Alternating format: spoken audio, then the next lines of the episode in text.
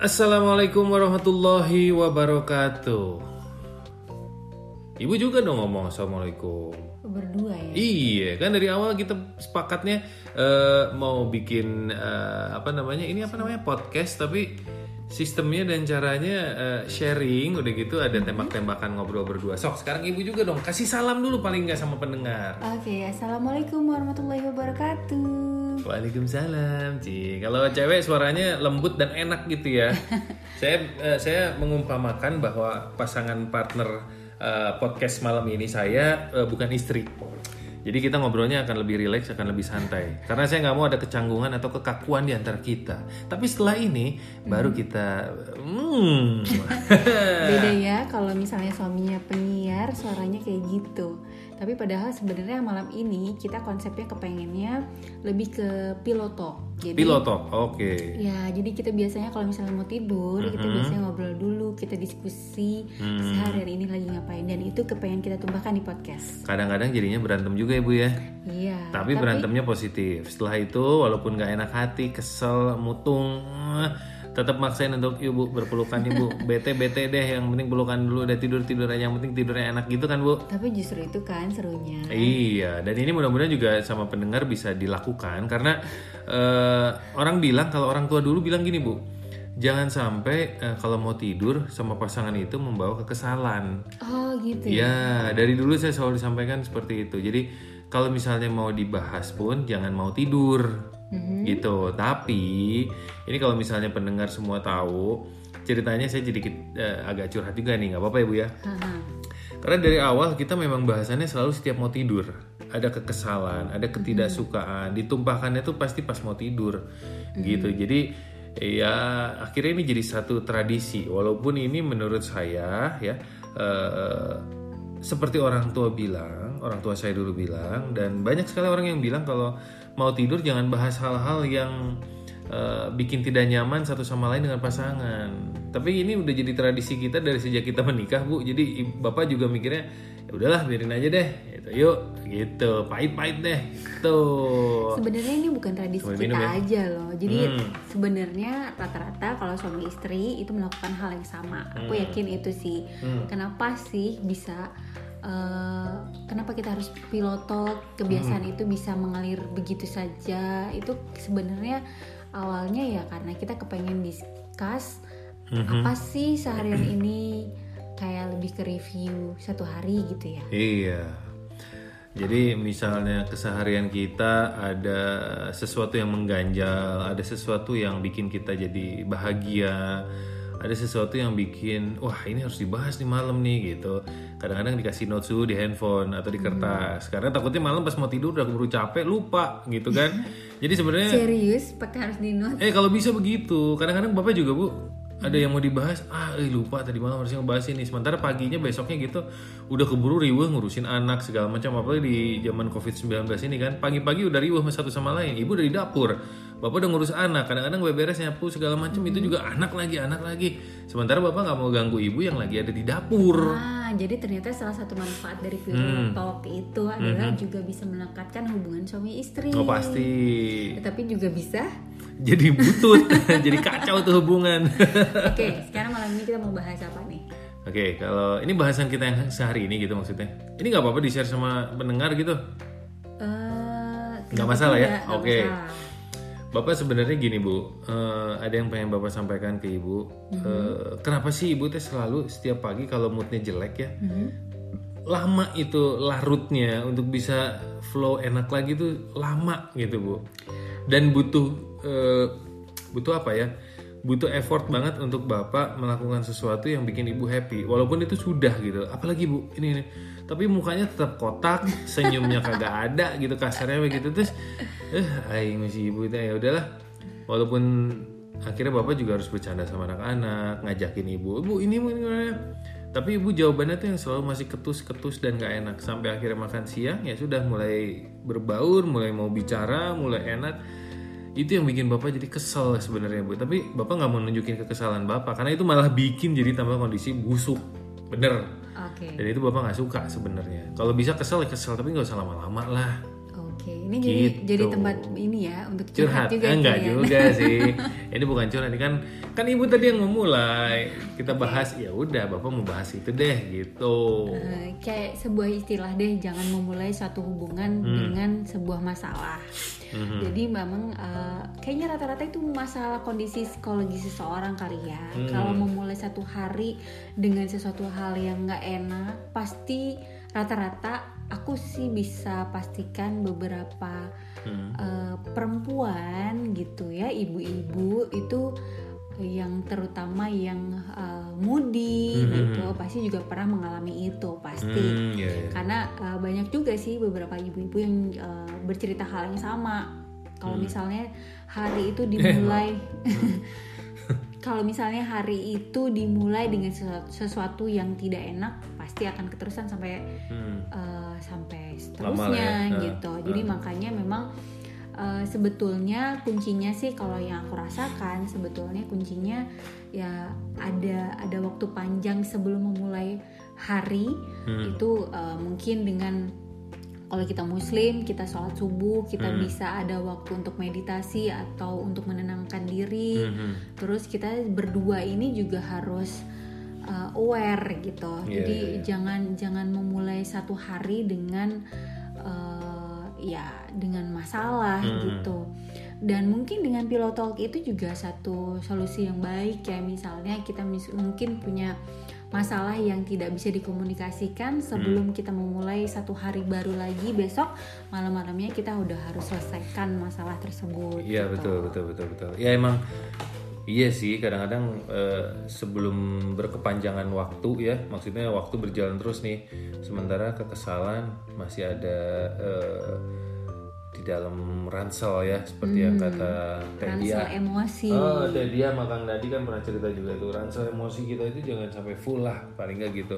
Jadi harus bisa dituangkan, dibuang sedikit demi sedikit. Kalau misalnya bak mandi mah keluar airnya ngebludak gitu kan betul jangan sampai memang bu bapak sebenarnya sebenarnya sependapat juga untuk eh, bercerita malam hari sebelum dibesokkan gitu ya selesaikan masalah kamu sebelum tidur Nah, itu iya, sebenarnya iya. tipsnya tapi kondisi malam itu kan memang kondisi yang capek bu. Maksudnya apalagi di covid 19 yang lagi ramai gini kita beberapa hari lalu sempat bahas di kamar ya. Sampai akhirnya kita berpelukan mau tidur. Tapi itu pun kadang eh aing mah eh bapak dongkol sebenarnya. Tapi ibu juga pasti ada dongkol. Tapi ya udah ibu buang badan bapak juga buang badan ya udah. Tapi besok happy lagi ya udahlah. Yang penting sudah tersampaikan. Maksud ibu kan seperti itu? Betul. Ya karena kalau belajar dari uh, yang sudah-sudah gitu ketika kita nggak bisa mengkomunikasikan apa sih ganjalan di dalam hati kita itu nanti satu saat tuh bisa jadi boom. Hmm. gitu. Meledak jadi gitu maksudnya ya bisa jadi saya tadi ransel emosinya terlalu menumpuk sehingga itu bisa menjadi bom waktu. Hmm. jadi uh, makanya sekarang kayaknya uh, perlu nih gitu di- di- dijadikan budaya sebetulnya untuk pillow talk itu asalkan dilakukan dengan kesadaran masing-masing ya gitu. ya ya. Dengan uh, apa namanya dengan toleransi yang seluas-luasnya gitu. Mhm. membuka dialog dengan uh, hati yang sama-sama harus bisa nerimo gitu. Ya ya. Dan satu lagi eh, tadi juga mau bilang bahwa eh, tidak pernah ada waktu yang apa ya tidak pernah ada waktu yang tepat untuk mengungkapkan sesuatu hal yang kontradiktif. Hmm. terutama kayak misalnya kita punya ganjalan terhadap suami atau suami punya ganjalan terhadap istri itu tidak akan pernah ada waktu yang tepat. Tetapi kita bisa membuat waktu tersebut. Itu eh, satu kutipan yang pernah eh, aku ambil dari salah satu psikolog eh, yang menjadi favorit aku juga itu Ibu Diah dan Pak Dandi. Hmm. kayaknya punya pengalaman gitu kali ya sama mereka ya. Ya ya paling enggak eh, balik lagi ke bahasan. Eh kita mau bahas masalah hari ini kita nggak? Atau gimana? Ha, hari ini ada bahasan apa ya? Yang pasti kita gagal lagi bu. Gagal tahu nggak gagal apa? Apa gagal membahas PR eh, anak-anak sekolah Ya benar. Sebenarnya manfaatnya dari adanya COVID-19 ini yang aku dapetin sih sebetulnya. Gini kita bisa ngambil hal yang positif nih dari Hmm. uh, COVID-19 karena aku ngerasa sebetulnya uh, ini tuh sebetulnya salah satu hadiah lagi nih untuk kita Hmm. itu yang aku rasain Uh, mungkin uh, beberapa ada yang merasa ini satu musibah tapi untuk aku pribadi aku merasakan ini satu momen untuk Hadiah ibu. ah untuk mempererat bonding lagi dan Mhm. setiap hari kayak jadi punya tujuan oke besok mau apa gitu jadi Hmm. kita kayak punya rencana baru dan salah satu rencana kita adalah eh, kebetulan memang kita tiba-tiba eh, asisten rumah tangga kita kan keluar ya pak ya mau tidak mau memaksa lah. untuk keluar jadi Padahal udah nggak boleh tuh mudik. Iya, tapi mau nggak mau kita harus jalanin dan eh, itu sulit banget bagi waktu antara harus ngurusin rumah dan ngurusin PR anak. Dan mungkin sekarang gagal lagi karena sulit banget tuh membagi waktu. Jadi gimana nih? Rencananya bagaimana Ya kita? udah dua hari ini memang kita eh padahal udah bapak print itu tugas-tugasnya. Mhm. Terus sudah kita bahas dua malam berturut-turut untuk kita memulai. Tapi memang susah ya bu ya, karena satu dan lain hal eh, sebenarnya bisa mengerjakan tugas anak-anak bersama gitu, Eh, bisa dijalankan. Tapi banyak hal atau kegiatan kita yang akhirnya harus ketinggalan bu. Kayak ibu masak, akhirnya jadi tertunda. Kayak bapak mau beresin yang lain, akhirnya jadi tertunda. Dan yang kedua, yang paling berat adalah eh, membuat mood anak-anak enak untuk memulai pelajaran, Mhm. ya kan? Nah itu dia. Ya, kadang-kadang mereka lagi ngegambar, diajakin yang lain nggak mau. Tuh. Mereka lagi main apa, diajakin yang lain nggak mau. Ya, Lagi main bola, diajakin apa, misalnya, yuk kita nonton TV aja, nggak mau. Nah, itu apalagi dikasih, eh eksperimen yuk, ada tugas ini, ada PR ini, udah nggak mau juga. Kecuali yang tugas-tugasnya menyenangkan mungkin ya, atau mungkin kita pancing dengan tanpa menyampaikan ini PR, ini tugas gitu gimana bu? sebetulnya itu itu benar salah satu solusi yang bagus gitu. Apa? Cuma kendalanya kita saat ini sekarang kita eh, sebenarnya karena kita cuma berempat di dalam rumah ini. Hmm. Itu pertama. Eh, Walaupun rumahnya juga kecil sih bu ya sebenarnya. rumahnya kecil tapi manajemen waktunya itu masih sangat sulit. Bukan hanya manajemen waktu tapi juga ma- manage emosi Anak-anak gitu. Ampun. Cuma solusinya yang aku pikirkan pertama mungkin memang harus ada yang dikorbankan. Hmm. Misalnya kalau masak kayaknya aku nggak mungkin karena kalau misalnya aku nggak masak kita nggak makan Mhm. gitu kan karena kondisinya aku berusaha banget untuk tidak memakai GoFood. Ya, Eh, total masak di rumah. mungkin kita bisa Asli. pikirkan apa yang bisa kita korbankan dari kegiatan di rumah Hmm. itu pertama atau kedua kita bisa ajukan ke sekolah Hmm. untuk bisa ada waktu khusus dalam satu hari Ya, ya, memang khusus untuk eh, waktunya anak-anak dengan guru seperti eh, ya layaknya sekolah Hmm. gitu karena itu sangat membantu sekali gitu terus ketiga solusinya apa lagi ya Hmm. Apa ya bu ya? Tapi ngomong-ngomong ini tadi baru kepikiran. Mungkin eh, pendengar juga eh, belum tahu ini podcast pertama kita. Mhm. Kedua eh, belum tahu juga kalau anak kita umurnya 6 dan 4 tahun. Ya ya masih kecil-kecil. Dan istri saya ini juga kan masih dalam tahap pengobatan di bulan ke-6 ini. Bulan 6 berjalan.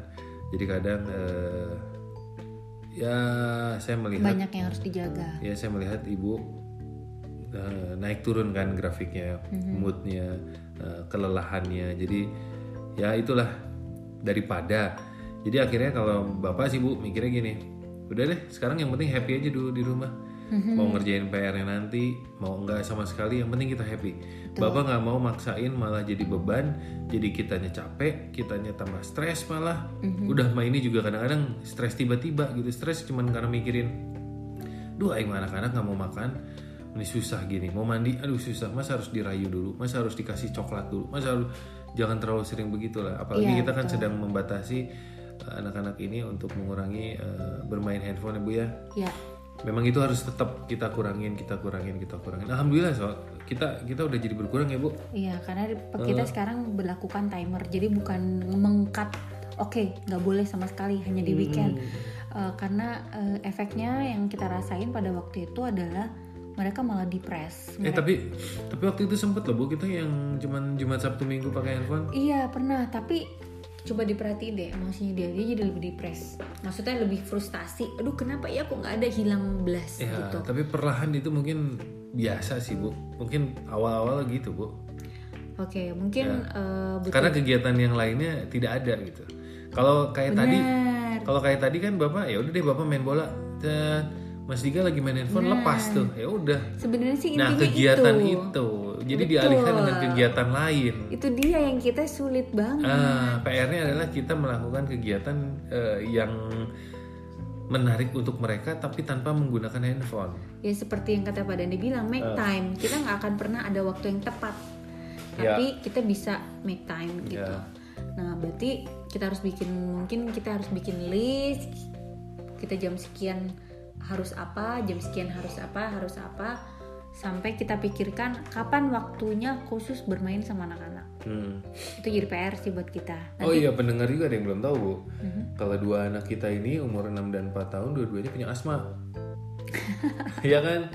Jadi PR banget mau saya nih pribadi kalau pengen main saya pengennya main fisik gitu. Saya udah bilang sama istri saya maksudnya juga mau main olahraga, gitu ya olahraga yang fisik. menggunakan fisik gitu, bukan yang menggunakan eh, apa ya eh, alat-alat yang anak-anaknya diem duduk misalnya melukis, menggambar, Hmm. karena bapak memotong. tipikal kinestetis Ya, karena Bapak memang pengennya yuk bergerak gitu. Tapi kasihan mereka berdua baru lari sebentar, baru naik sepeda, baru main bola bentar, kadang-kadang sesek gitu, Bu. ya nggak apa-apa kita jangan jadi jangan jadikan itu kendala jadi maksudnya gini kita jangan mikirin kita karena tipe kinestetis mereka harus ngikutin kita nggak kayak gitu Hmm. jadi kita liatin anak-anak ini jenisnya apa jenisnya apakah memang dia lebih banyak berpikir lebih banyak kayak praktek ya kita Iya, iya. ikutin aja gimana anak-anak bukan kita gitu Pokoknya ya jalanin sesuai dengan apa yang mereka pengen juga ya, Bu ya. Mm-mm. Ya walaupun itu juga eh, akhirnya menahan idealis dan keinginan saya. Nah, ya nggak apa-apa lah. Tapi sesekali mah ada bu, kayak bapak ajak sepeda segala macam. Tadi lupa mau cek itu, yang pesen sewa sepeda itu ingetin. Saya pengen nyewa sepeda nih eh, teman-teman untuk anak saya yang kedua karena dia udah mulai pengen bersepeda. Tapi sepedanya saya cuma punya satu. Nah, saya mau nyewa sepeda yang roda dua tapi tanpa ada bosehannya. Karena itu ternyata melatih keseimbangan eh, anak itu untuk bermain sepeda roda dua. Sama halnya seperti Mas Tiga waktu belajar roda dua. Untuk teman-teman mungkin yang belum tahu cara mengajarkannya dengan membuka eh, pedal kanan kiri cuman ada roda depan sama belakang kemudian dia ngedorong sendiri. Itu namanya sepeda apa ya? Sepeda statik gitu? Bukan tuh itu bukan apa ya? Sepeda apa ya? lupa lah. Pokoknya ada di Instagram di YouTube juga ada latihan itu. Nah saya mau nyewa. Bu sampai jam berapa ini kita ngobrol? Kita ngobrol sampai jam 9 aja karena kita juga harus jaga jam tidur supaya besok bisa atur-atur waktu lagi. hmm oke oke Oke, oke sekarang mau bahas apa lagi? apalagi terserah ibu kalau bapak sih eh, mungkin itu aja yang pasti kita juga harus istirahat ibu bangunnya lebih pagi tadi kan habis subuh nggak tidur lagi langsung nyapu pel segala macam Yang terpikir sih besok harus lebih diatur lagi waktunya, terus ada waktu khusus untuk anak-anak kerjain PR. Heeh. Gitu. Ya mudah-mudahan itu bukan wacana kita lagi. Walaupun susah. Apa ya bu ya? Mungkin ini bu eh, menu sarapan anak-anak. Hmm. Kemudian eh, soalnya kita nggak mah, eh kita nggak bisa beli makan sih ya. Jadi kenapa? Ya ibu banyak di dapur masak. itu waktu tuh bisa 2-3 jam di dapur lama sekali. Kalau misalnya di jadwal mungkin nggak bu? Ibu misalnya, oke deh, eh, habis bikinin sarapan anak-anak, anak-anak udah makan, cep udah yuk kita ngerjain satu setengah jam aja. kita ngerjain satu dua tugas dari sekolah, kemudian tinggalin lagi. Beres nggak beres tuh anak-anak udah tinggalin aja, bapak aja yang nerusin. Yang penting awalnya kita udah berdua memulai bareng-bareng bu kita gini yuk, yuk. kan butuh kerjasama kata ibu kita kerjasama di awalnya aja cak cak cak cak cak cak wah udah ini waktunya ibu udah mulai jam masak nih bu tinggalin bapak aja yang masak eh ibu aja yang masak bapak yang sama anak-anak Sebenarnya aku mulai masak tuh idealnya jam 9. hmm. Itu jam 9 itu akan bisa bikin jam 12 sebelum jam 12 itu udah beres. Jadi jam 12 makan siang tuh udah ada gitu Hmm. tapi kalau mau telat-telat ya jam 10 Ya, memang sih. Tapi bapak ngelihat waktu seminggu ini, ya semenjak nggak ada ART, bapak sih ngerasanya waktu kita tuh bagus gitu. Pola sarapannya, makan siangnya, makan malamnya itu tuh bagus. sebenarnya sih bagus pak sebenarnya gini nih kalau aku simpulkan dari semua muanya kita tuh punya pressure terhadap PR anak Iya, tekanannya itu doang. Iya kan Heeh. jadi Pikiran mungkin jadinya. bener jadi seolah-olah kita kayak kayak bukan orang tua yang bisa memberikan waktu Hmm. untuk anak belajar padahal sebetulnya terlepas dari PR mereka juga belajar kok buktinya mereka juga mewarnai Hmm. terus mereka juga belajar membaca mereka mereka di Ata juga udah mulai Hmm. dalam fase berlibur gini dia udah mulai hafal dengan huruf-huruf dan angka-angka Berlibur. ya bisa dibilang Ya, kayak libur begitu. lah libur lah Buat kita masih bisa dibilang berlibur. sebenarnya yang bikin pressure tuh ya karena kita mm, anak-anak punya PR gitu Heeh. Which is sebetulnya mungkin uh, ya bukan menyalahkan metode sekolah juga. Cuma mungkin kita bisa ajukan untuk punya waktu khusus anak untuk belajar online gitu. Iya, dan bukan hanya seminggu sekali tetapi ya memang dikhususkan untuk ya seperti mereka mau sekolah aja gitu. Hmm. supaya uh, apa Tapi ya? bapak bu banyak yang akhirnya Mhm, mereka stres ya seperti kita tapi stresnya lebih berat lagi mhm, karena dua-duanya bapak ibunya ini kerja. Mhm, terus ya gitu sekarang eh, work from home mhm, mengerjakan tugas kantornya di rumah. Mhm. terus si anak ini tiga anaknya juga harus belajar di juga harus belajar di rumah. Jadi si bapak ibunya harus ngajarin Mhm, materi-materi yang bapak ibunya juga udah lupa sebenarnya. Mhm. karena bi- orang tuanya bisnis gitu. Si ibunya juga bisnis. Jadi aduh pekerjaan sekolah begini begini PR banget nih jadi PR juga untuk orang tuanya kembali belajar. Wah itu stres berat. Urusan kerjaan bisnisnya maksudnya semua. stres untuk orang tuanya? Iya orang tuanya stres. Si anaknya juga bingung. Aduh udah nggak bisa ini gitu. Diajarin online kagak ngerti gitu. Mau nanya susah mau ini. Orang tuanya kan harus mendampingi ternyata. Oh kalau uh, study at home itu ada yang memang harus didampingi orang tua. Tapi di saat orang tuanya nggak bisa orang tuanya stres kita beruntung lah bu. Anak-anak masih TK alhamdulillah maksudnya masih bisa kita tinggalin. Mudah-mudahan tidak ada corona yang kedua ketiga dan tapi seterusnya kalau teman-teman aku study at home-nya nggak kayak gitu. Hmm. jadi tapi teman aku kalau study at home-nya nggak kayak gitu. Ah, iya. Jadi dia bener-bener eh, ya udah urusannya anak-anak sama guru sama guru-gurunya gitu. Hmm. jadi dan dan mereka nggak punya sistem PR Hmm, jadi belajar online benar-benar langsung.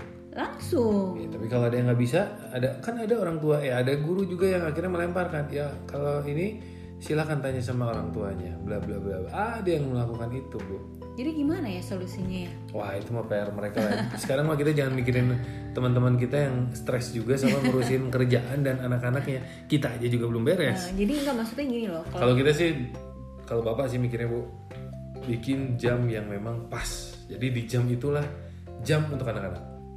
Tidak boleh diganggu oleh satu masak. Kedua headphone, kita jauhkan handphone. Ketiga bapak juga misalnya mau ngerjain beres-beres ini, beres-beres itu mau apa, tinggalin semua udah. Cuman 2-3 jam untuk ngerjain sama anak-anak. Nah itu tentang handphone tuh screen time juga memang harus dijaga Memang. sih. Tapi alhamdulillah aku selama ini aku benar-benar bisa manage itu loh. Kalau misalnya kerjaan atau apa eh, pekerjaan rumah maksudnya ya belum beres ya aku nggak akan pegang handphone. Ya. Atau gini bu, habis makan siang aja mau nggak? Cobain besok. Kita jadwalkan makan siang memang setelah zuhur seperti biasa sampai setengah dua, ya. Jadi jemuran nggak usah habis makan nggak usah nyetrika dulu ibu, Mhm. santai dulu lihat handphone. Ya itu dia makanya kita Pas setengah dua, iya kita kerjasama itu perlu. mood anak-anak juga harus Buat anak juga harus dijaga. Jadi lihat jam segitu, cep udah oke, ya udah deh. Jam segitu kita mulai. Karena ini tuh namanya komitmen Mhm. keputusan bersama, keputusan ibu, keputusan bapak yang harus dijalankan. Jadi mau nggak mau, oke setengah dua ya pak. Jadi PR-nya ada abis duhur, lupakan semua makan. Cet, bikin suasana enak, nyaman. Yuk bu, kita buka selembar tugas yang pertama kita kerjakan. Itu kan tugas-tugasnya, alhamdulillah lebih banyak eh, seperti bermain sih ya eksperimen ya. Mhm. jadi ya fun aja. Repot-repot susah-susah. Tapi ya mau nggak mau harus jalanin. Mhm. perlahan tapi pasti.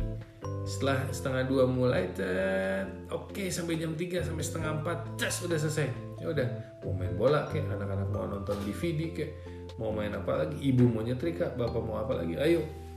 Tugas bapak deh anak-anak gitu aja ibu mau nyetrika ya udah bapak siapin jemuran yang udah kering bapak angkatin segala macam besok ngomong-ngomong kita nggak nyuci baju kan Nggak. ya Oh ya, ini juga harus tahu kalau Agak kita santai, memang kan? udah menjadwalkan juga ya, kayak misalnya jadwal cuci baju. Eh.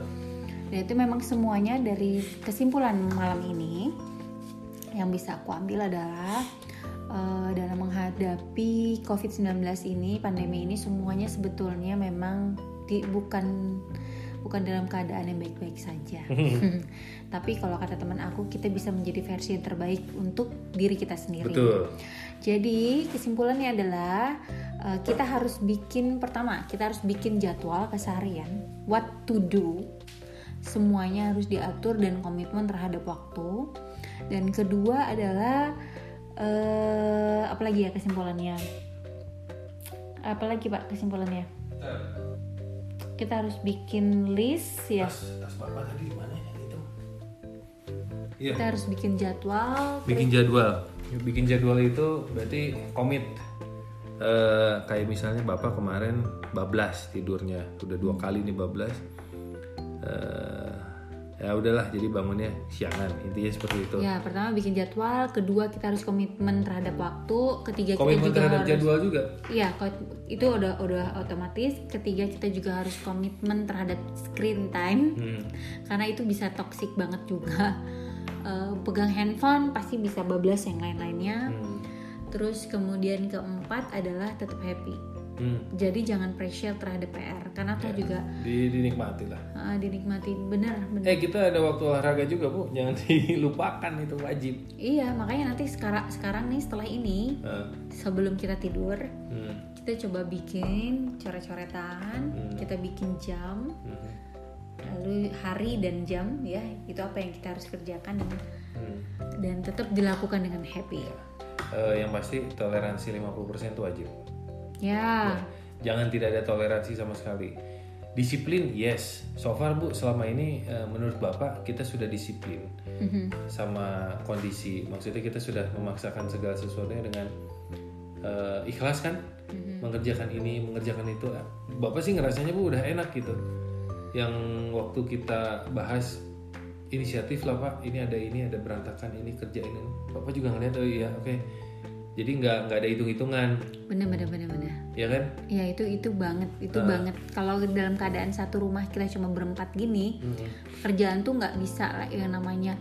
Ibu itu kan aja. bagian lu. Ah. ini kan bagian gue. Ya, kenapa lu nggak ngerjain? Nggak usah. Itu bagian sama-sama. Itu bagian Ah. bapak bagian ibu juga. Hmm. kecuali bu punten masak.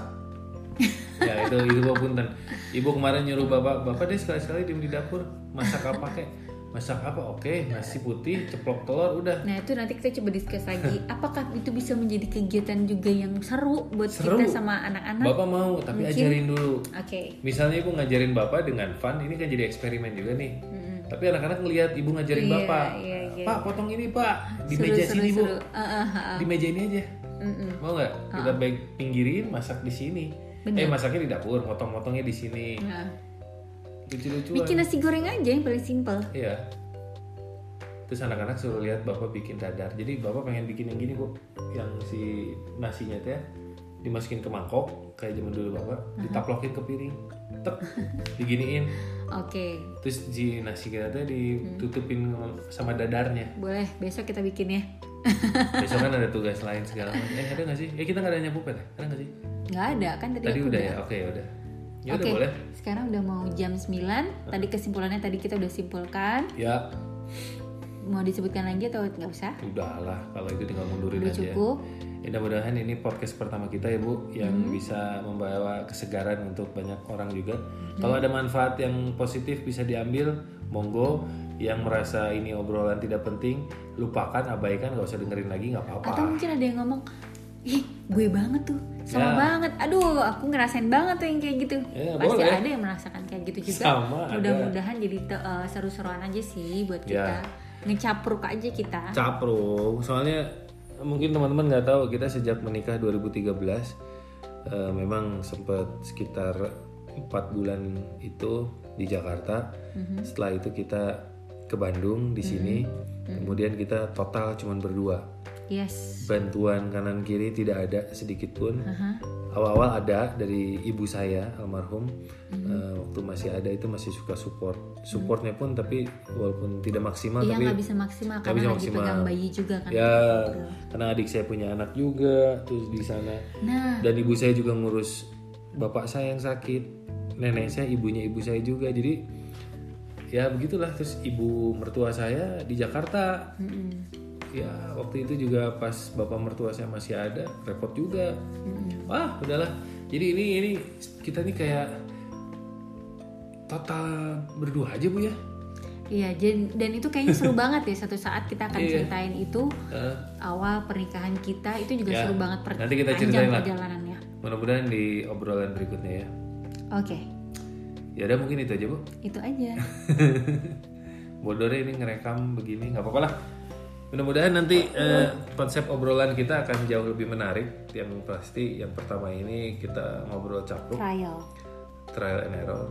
Ya yang suka syukur, yang nggak suka ya udah gitu. Tapi tunggu, insya Allah yang kedua, ketiga dan seterusnya lebih baik lagi karena ini juga seperti yang ibu bilang trial and error. Mhm. Ya wes lah kalau begitu saya eh, Tom Tom Utomo suami dari Ibu Ina mau pamit. Dan saya Ina Rovita, istri dari Bapak Tom Tom. Mau bobo juga ya? Kita mau lanjut bobo atau mau apa dulu nih? Hmm, Nonton DVD. Mukanya udah ngantuk. Ya udahlah, ini udah jam 9. Memang biasanya kita jam 9 setengah 10 udah tidur. aha. Aduh itu paling nikmat lah tidur 6 7 Bener, bener ya. 7 8 jam Jangan itu begadang lagi ya. 7 8 jam itu paling benar. Yang paling gak enak itu tidur cuma 4 jam 5 jam. Aduh udah gak enak lah, siangnya ngantuk. Oke, Ya wes, sampai ketemu lagi di eh, podcast atau obrolan berikutnya. Ya, iya. dadah. Assalamualaikum Waalaikumsalam. warahmatullahi wabarakatuh. Bye.